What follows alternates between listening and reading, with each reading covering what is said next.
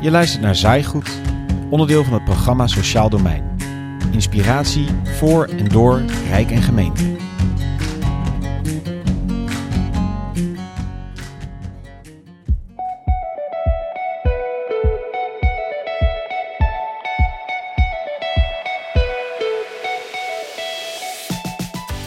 In Nederland wonen ruim 2 miljoen mensen met een beperking.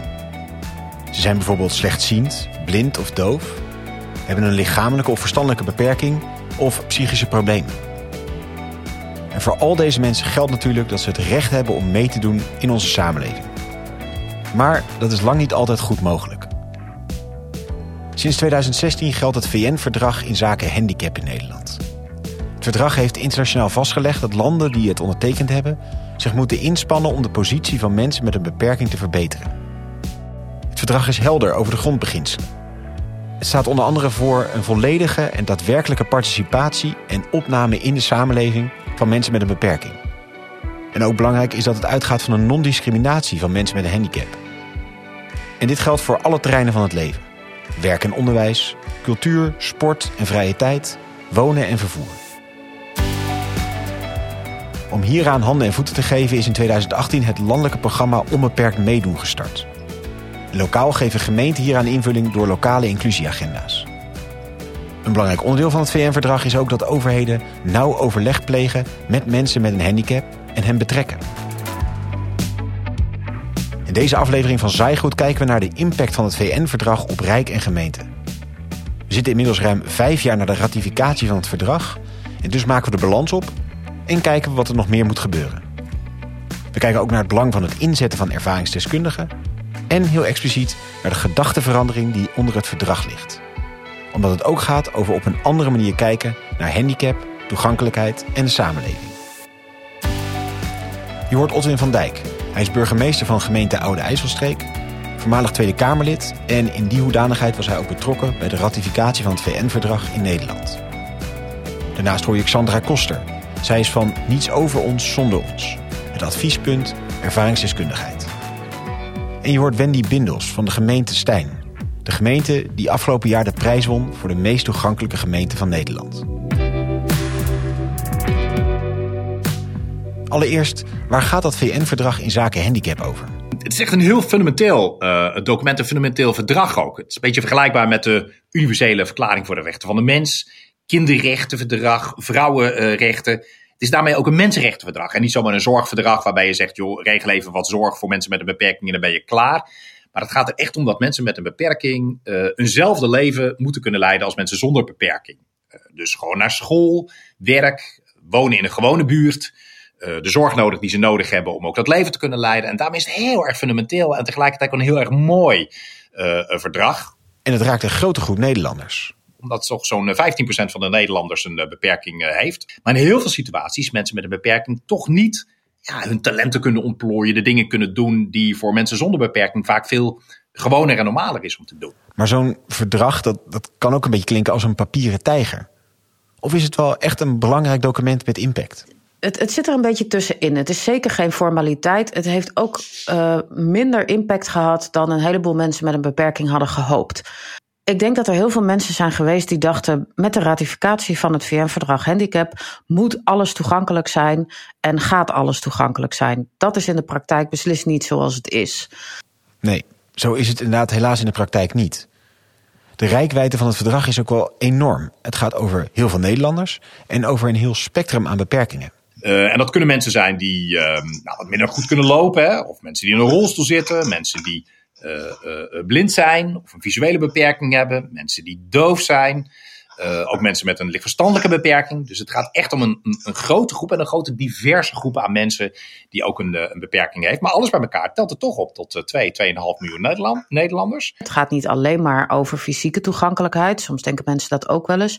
Maar het gaat echt over mensenrechten van mensen met een beperking. Over het hele brede scala van het hele leven. Het heeft dus minder impact gehad dan veel mensen hadden gehoopt, zei Sandra net.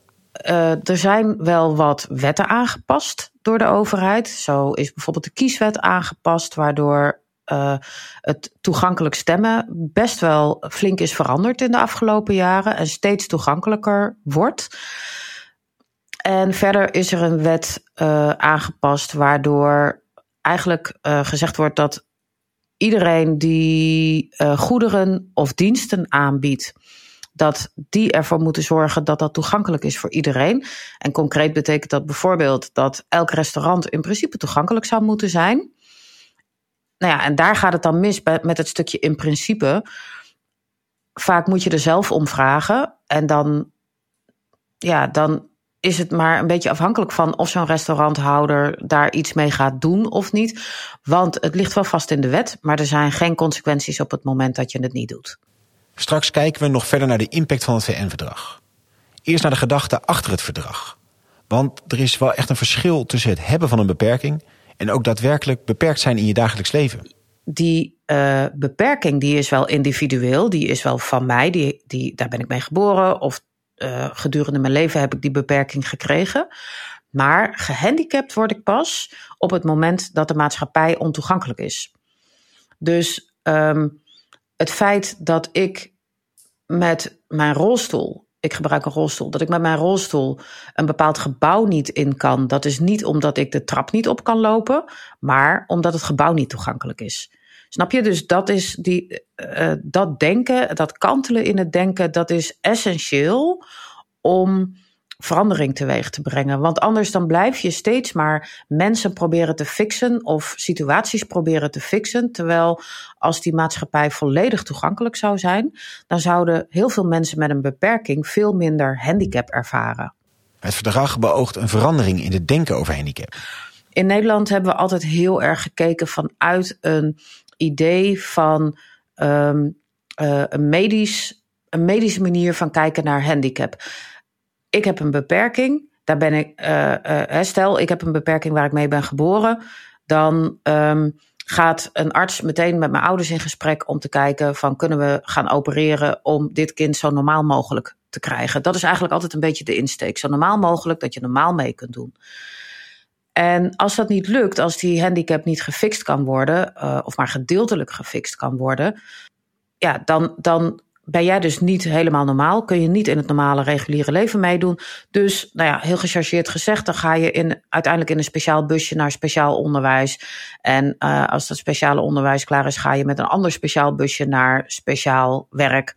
Um, en dan zit je, hè, zo hebben we eigenlijk een gesegregeerde maatschappij gecreëerd. En dat hebben we in Nederland heel goed gedaan. We hebben heel goed gezorgd. We hebben ook speciale uh, huizen natuurlijk uh, uh, al, al, al decennia lang voor mensen met een beperking, waar mensen in principe goed verzorgd werden. Maar daardoor hoefde de reguliere maatschappij niet toegankelijk te zijn. Je zou eigenlijk kunnen zeggen, de eerste grote crowdfundingsoperatie op de Nederlandse televisie was al 40 jaar geleden toch Open het Dorp. Hè? Mies Bouwman is er groot mee geworden, huilend op de televisie, 24 uur geld bij elkaar verzamelen om mensen met een beperking apart te zetten. Aan de rand van een stad, in, in Arnhem. Ook nog eens op uh, heuvels. Dat vind ik dan persoonlijk als rolstoelen best wel sadistisch. Dat je nou uitgerekend op die ene paar heuvels in Nederland zet je die gehandicapten bij elkaar. Maar je krijgt wel spierballen van, zou je kunnen zeggen. Maar om even aan te geven, dat was een beetje de manier waarop we in Nederland ook dachten dat we goed deden. Dus we zorgen over het algemeen heel goed voor mensen met een beperking. Maar over het algemeen wel apart exclusief, zou je kunnen zeggen. En het VN-verdrag die roept ook eigenlijk al die lidstaten in de wereld op om inclusief te denken. Dus mensen met een beperking zet je niet apart. Dus die stuur je niet in aparte aangepaste busjes achter niet open, toegankelijk openbaar vervoer, wat we in Nederland nog steeds doen. Die moeten gewoon in dezelfde trein kunnen. Dezelfde school, dezelfde woonwijk, dezelfde sportvereniging. En daarmee is dus een heel erg fundamenteel verdrag. Eh, wat dus heel erg niet zozeer nogmaals vanuit zorg gaat, maar heel erg gaat vanuit mensenrechten. Mensen moeten gewoon mee kunnen doen. En daarmee is het, vind ik het zelf ook echt een hele mooie opdracht om alle lidstaten en dus ook Nederland, om daar ook mee, eh, mee te werken.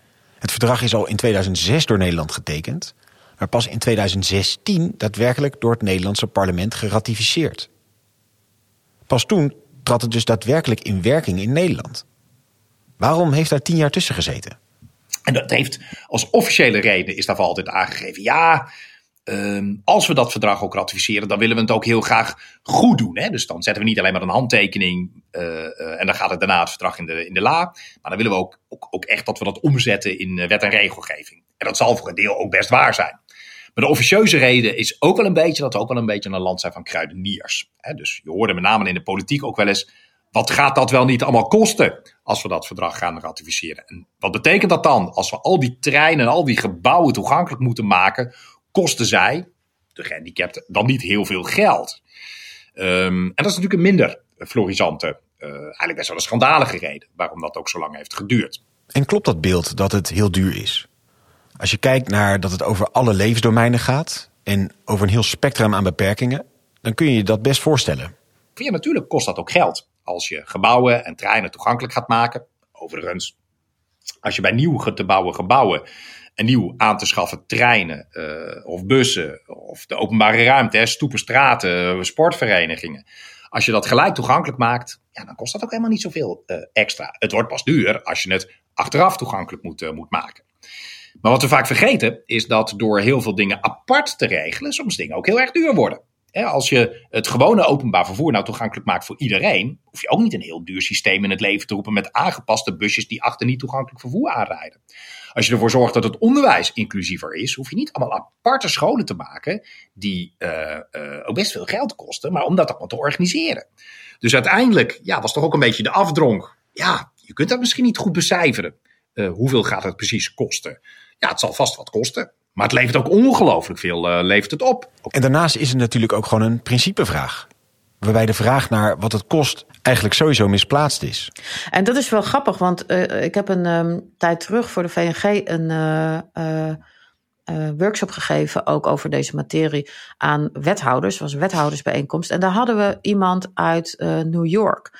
Een um, iemand van het uh, bureau van de burgemeester die over toegankelijkheid gaat. En hij vertelde wat ze daar allemaal doen. En dat is echt, ze hebben daar de Americans with Disabilities Act al jaren, uh, al, al 30 jaar of zo. En daar is toegankelijkheid ook wel echt op een ander niveau dan in Nederland. En hij vertelde wat, hij, wat ze allemaal realiseerden. En ik zag die ogen van de wethouder steeds groter en steeds groter worden. En op een gegeven moment vroeg iemand van, maar wat kost dat dan allemaal? En toen zei hij, nou dat kost helemaal niks. En toen zeiden ze, wat? En toen zei hij, ja, maar het is gewoon onderdeel van het hele beleid. Het, is, het, is, het, het, het maakt er integraal deel van uit. Dus er, worden bij, er wordt bij ons niets uh, uh, voorgelegd wat niet toegankelijk is. Dus dat zit er automatisch in. Toegankelijkheid is dan dus echt een randvoorwaarde voor bijvoorbeeld de bouw van voorzieningen. In plaats van dat het een extra is. Uh, nou ja, misschien weet je, heb je wel gehoord van die brug in Nijmegen die gebouwd zou worden. Zo'n voetgangersbrug die niet toegankelijk was voor mensen met een beperking. Daar was een heel mooi ontwerp van. Er kwam enorm veel hoepla over op social media. En toen dacht ik ook van. Uh, veiligheid is integraal, wordt dat meegenomen in een ontwerp. Daar betaal je voor. Maar de reden dat deze brug, brug niet toegankelijk kon worden, was omdat die dan te duur zou worden.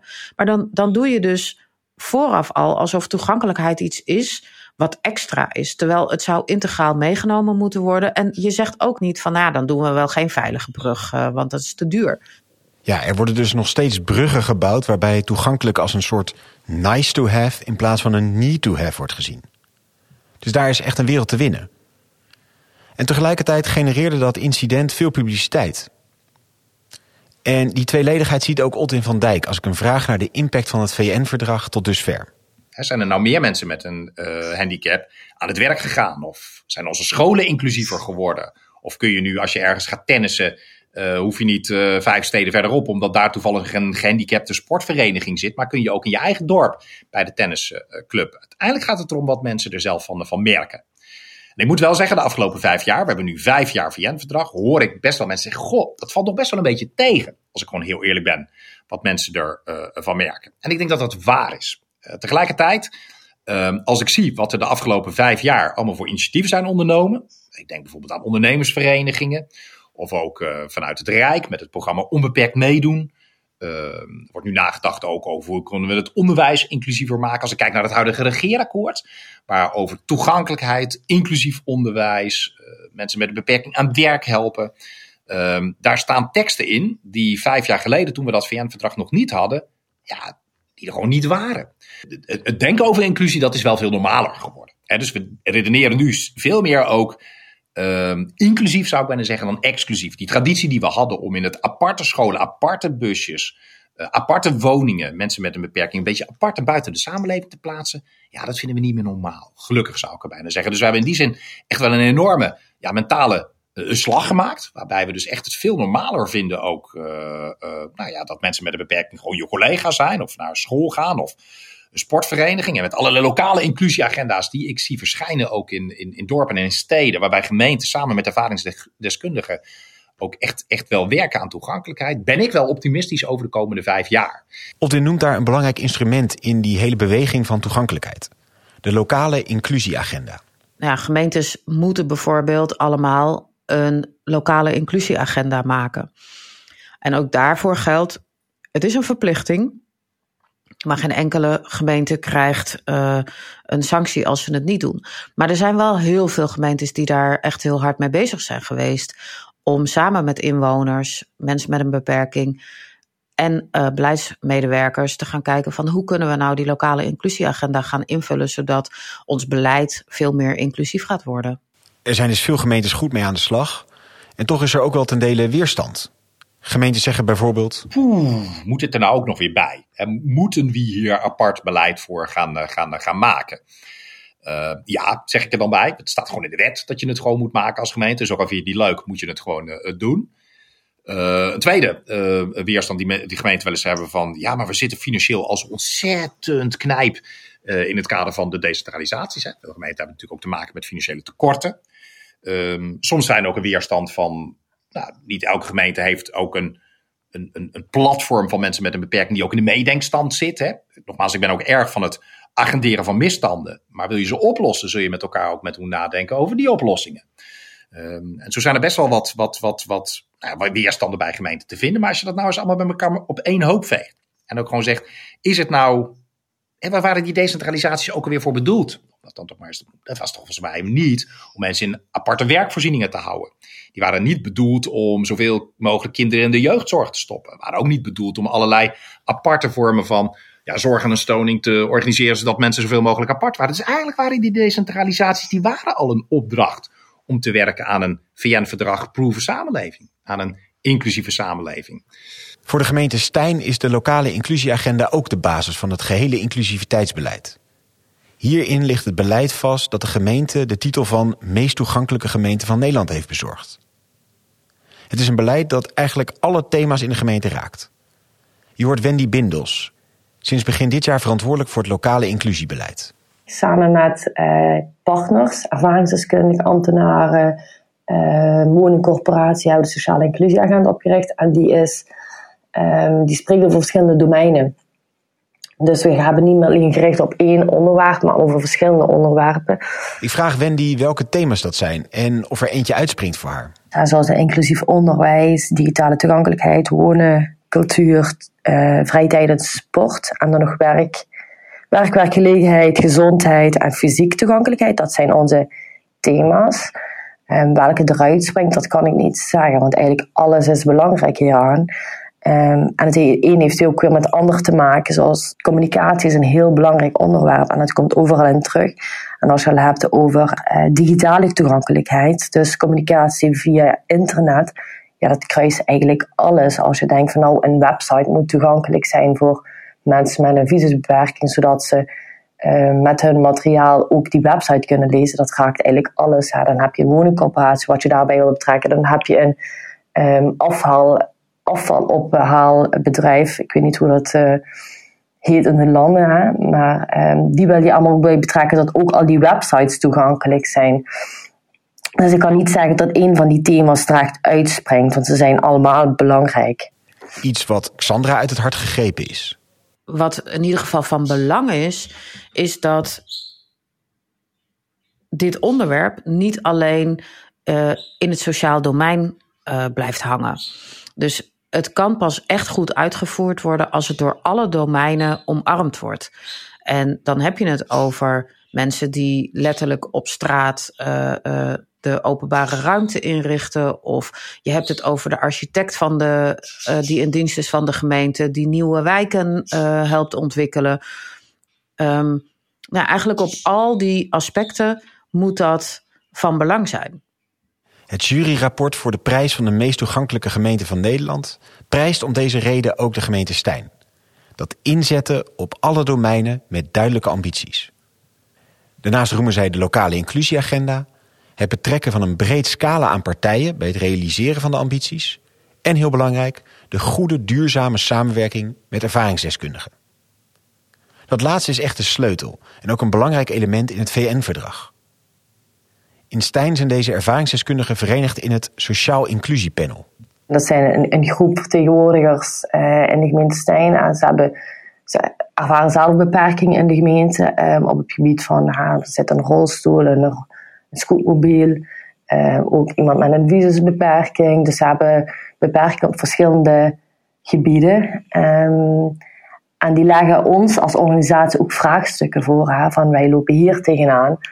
Um, hoe kunnen jullie ons daarbij helpen? Wat kunnen we doen om dit probleem op te lossen voor mensen die deze beperking hebben?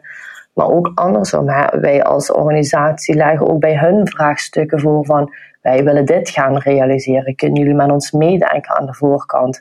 Dus er is ook een, een wisselwerking tussen mensen met ervaring, dus sociale inclusiepaard zijn mensen met ervaring, um, en de organisatie. De gemeente Stijn heeft dus een heel divers panel. Heel belangrijk, want je wilt een heel spectrum aan beperkingen beslaan. Je wil niet bijvoorbeeld alleen maar mensen met een visuele beperking en mensen met een rolstoel over het hoofd zien. Of je alleen maar richten op fysieke beperkingen en mentale beperkingen vergeten. En daarbinnen heb je idealiter een mix van ervaringskennis en ervaringsdeskundigen, zegt Xandra. Je hebt mensen die hebben ervaringskennis. Die weten precies voor henzelf wat zij nodig hebben in een bepaalde situatie. Dus die kunnen vertellen, bijvoorbeeld aan een gemeente, uh, als die een uh, openbare ruimte in, inricht. Bijvoorbeeld, zo iemand is blind, die kan precies vertellen wat hij of zij nodig heeft uh, in die openbare ruimte en hoe dat ingericht zou moeten zijn. Maar die persoon die weet niet hoe dat moet voor een rolstoeler. Um, dan heb je misschien nog een, een rolstoeler die dat wel weet, maar die weet weer niet hoe het moet voor iemand die autistisch is en die misschien een prikkelarme omgeving wil.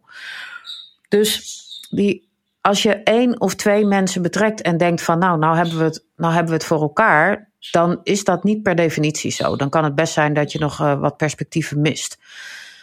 Um, dan heb je nog mensen die zijn die, hebben geen ervaringskennis, maar ervaringsdeskundigheid. Die kunnen ook meer overstijgend denken. En die zijn misschien ook beter in. Um, dit werkt voor mij omdat ik blind ben, maar ik weet dat voor mensen met een rolstoel dit of dat werkt.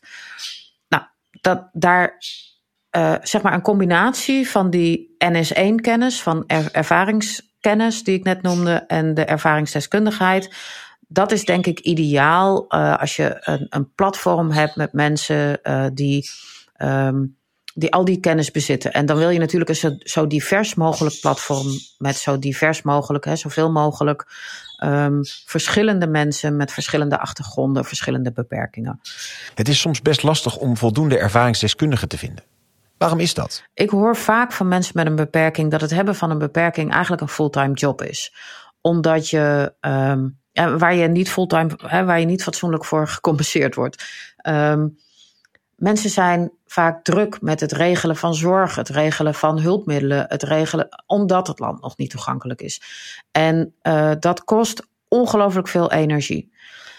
Dus mensen um, hebben vaak niet de energie om ook nog uh, dit erbij te doen. Dat bemoeilijkt dus het vinden van goede ervaringsdeskundigen die daar de tijd en de energie voor hebben. Maar stel je hebt ze gevonden, hoe kun je dan ook beter de samenwerking inrichten? Soms vinden ze mensen met een beperking ook maar lastig.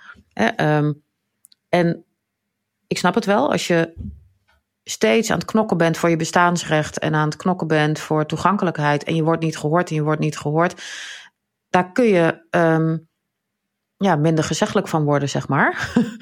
dus um, eh, dat wordt vaak gezien. Maar wat vaak helpt, is gewoon heel goed luisteren naar die mensen. En uh, uh, ze waarderen ervaringsdeskundigheid ook niet um, afdoen als iets van, nou, dat is leuk, dat doe jij voor je hobby erbij. Ik zit hier betaald als ambtenaar en jij krijgt helemaal niets, terwijl je ons wel helpt met het maken van het beleid. Dus beloon mensen ook goed.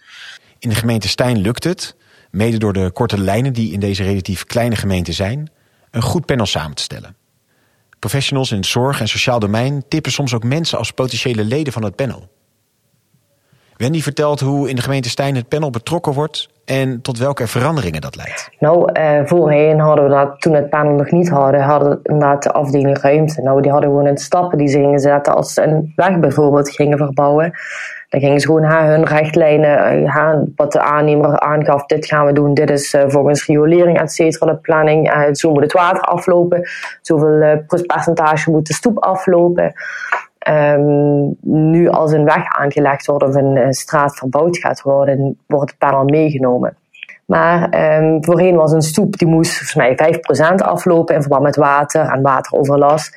En nu hebben ze een stoep 1% laten aflopen, omdat mensen met een rolstoel of een rollator aangeven dat het voor hun heel moeilijk is um, tot ze naar de weg geduwd worden als ze in een stoep lopen met meer dan 1% percentage ja, die wat er afloopt ik zelf, ik denk na een aantal jaren is er een goede um, samenwerking ontstaan en is het wel een mooi succes geweest uh, vanwege de samenwerking tussen het, het, panel en de gemeente. Een ander ding waar de gemeente Stijn voor wordt geprezen, dat hoorde je net, is het brede scala aan partijen dat betrokken is bij het realiseren van de ambities. Dat verder kijken dan alleen het gemeentelijk domein is heel belangrijk, zegt Otwin van Dijk. De inclusiviteitswerkgroep binnen zijn gemeente gaat actief de hort op. En dat leidt dus, we hebben een groot popfestival in, uh, in Ulft. Huntepop, uh, die nu dus ook bij de festival, dat komt bij corona, kon dat nu even niet. Maar dan sinds de afgelopen jaren voor corona gewoon een verlaagd stukje bij de bar hebben. Waar ze zeggen zo, die Otting kan ze zelf zijn bier ook wel halen uh, nu. Nou, misschien wordt dat te toegankelijk dat ik zelf mijn eigen bier, vond wel handig dat iemand voor me haalde. Nee, zonder gekkigheid. Maar het is gewoon mooi hè, dat ook in dit geval is het festival, dat is iets leuks, maar dat ook onderwijs in de Achterhoek zelf ook nu, nu vraagt denk eens mee. Wat kunnen we nou, wat kunnen we nou doen om die beweging ook op gang te, uh, te brengen? En ook bijvoorbeeld MKB Nederland werkt mee aan deze beweging van inclusiviteit. Ze hebben ook echt een hele mooie website, uh, eh, MKB Toegankelijk, waar restauranthouders, maar ook nou ja, iedereen die een eigen bedrijf heeft, zeg maar, uh, zou kunnen kijken van hoe kan ik mijn bedrijf toegankelijk maken. Er staan echt hele goede en concrete tips op. En MKB doet ook speciale tours, uh, toegankelijkheids tours in gemeentes. En daar wordt het dan. Uh, dan wordt het wel top of mind. Want dan komen mensen met een beperking langs als mystery guest. En dan wordt er gekeken van um, hoe toegankelijk is deze, uh, dit restaurant of deze winkel. En daar krijgt die uh, restauranthouder of winkelier die krijgt daar zijn uh, feedback op. En die kunnen dan vervolgens ook allerlei aanpassingen gaan doen. Dus bij, hè, bij dat soort tours, en dat wordt in verschillende gemeentes is dat al gedaan. En ook dit jaar gaat dat weer in heel veel gemeentes gebeuren. Dan is het wel on top of mind. Gemeenten hebben dus een belangrijke rol te spelen. Het midden- en kleinbedrijf. Belangrijk aandachtspunt blijft de bewustwording. Bij deze partijen, maar ook bij alle Nederlanders. En hierin zou de Rijksoverheid een rol kunnen spelen, zegt Wendy. Ik denk dat de moeilijkheid voor ons erin zit, um, is de burgers uh, erin mee te krijgen en er ook blijven mee te krijgen. Want het is voor mensen die geen beperking hebben soms heel moeilijk om, om te ervaren of te zien waar andere mensen met beperking tegenaan lopen. Dus ik denk dat dat wel landelijk zou kunnen helpen als je, uh, net zoals andere campagnes die spelen, er toch wel mensen van maakt van wat, wat doe je met mensen als jij op die stoep gaat parkeren met je auto? Voor welke levensgevaarlijke situaties kan dat zorgen? Want dan moet iemand met een rolstoel de weg opgaan waar het misschien levensgevaarlijk druk is. Dus dat is wat ik naar mijn idee nog mogelijk zou kunnen vanuit, vanuit het Rijk. Um, om toch over de gemeentegrenzen heen te kunnen gaan. Sowieso mag het Rijk zijn nek wel wat meer uitsteken, zegt Otwin. Dus ik zou eigenlijk willen oproepen, uh, Rijk, dat wat je van gemeente terecht verlangt, namelijk het maken van een lokale inclusieagenda, maak ook een landelijke inclusieagenda. Waarbij je van toegankelijkheid van gebouwen, toegankelijkheid van het openbaar vervoer, uh, volgens mij hoeven de treinen pas ergens in de jaren 2040, 46 of zo uh, toegankelijk te zijn, of de stations. Dus nou is vanaf nu al het materieel wat we kopen toegankelijk maken. Als dat onderwijs nou eens echt inclusief wordt gemaakt. En de arbeidsmarkt zich meer openstelt voor mensen met een beperking. Dan slaan we ook zoveel maatschappelijke vragen van krapte op de arbeidsmarkt tot nou ja, onderwijs beter regelen voor iedereen. Uh, en toegankelijkheid uh, van gebouwen waar we allemaal gemak van hebben. Dus Rijk gaat aan de slag met een landelijke inclusieagenda. Dat verdrag dat geeft ons een, een, een kolossale opdracht. We hebben de eerste vijf jaar echt gebruikt om van exclusief naar inclusief te leren denken. Maar de komende vijf jaar, als we over vijf jaar weer deze podcast uh, zouden doen, dan wil ik niet terugkijken met, uh, goh, wat, wat hebben we mooie plannen gemaakt. Maar dan hoop ik ook dat mensen echt ook ervaren Want er is een wereld te winnen, zegt Xandra. Op het moment dat die maatschappij volledig toegankelijk is, dan heb je feitelijk minder gehandicapte mensen in Nederland, omdat mensen met een beperking minder gehandicapt zijn. En dat is natuurlijk geweldig eigenlijk. Op, hè, zo, probeer ik dat ook altijd uit te leggen. Van je hebt zo'n krachtig middel in handen om een hele grote groep mensen veel meer uh, op gelijke voet te laten participeren in onze maatschappij. En dat kun jij doen. Weet je, daar hoef je geen arts voor in te huren om iemand te opereren. Jij kunt dat gewoon doen door te zorgen dat jouw gemeente, jouw provincie, uh, jouw land toegankelijk is. En dat verandert levens van mensen enorm. Het is haast een toverstafje.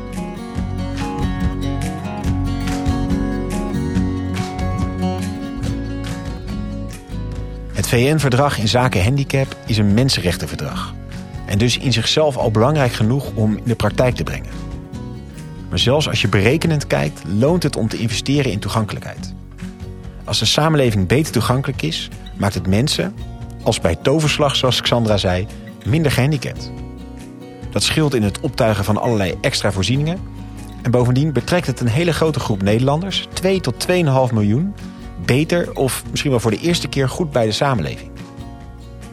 De bewustwording en de kantelen in het denken over toegankelijkheid, die is nu al gemaakt in de afgelopen vijf jaar. De komende vijf jaar moeten in het teken staan van het daadwerkelijk realiseren van een voor iedereen toegankelijke samenleving. Dank voor het luisteren naar deze aflevering van Zaaigoed. Wil je meer weten over de gemeente Stijn, het VN-verdrag of over niets over ons zonder ons? Kijk dan op de website van het programma Sociaal Domein. Heb je een idee voor een aflevering? Laat het ons ook weten. Voor nu, dank voor het luisteren en graag tot de volgende keer.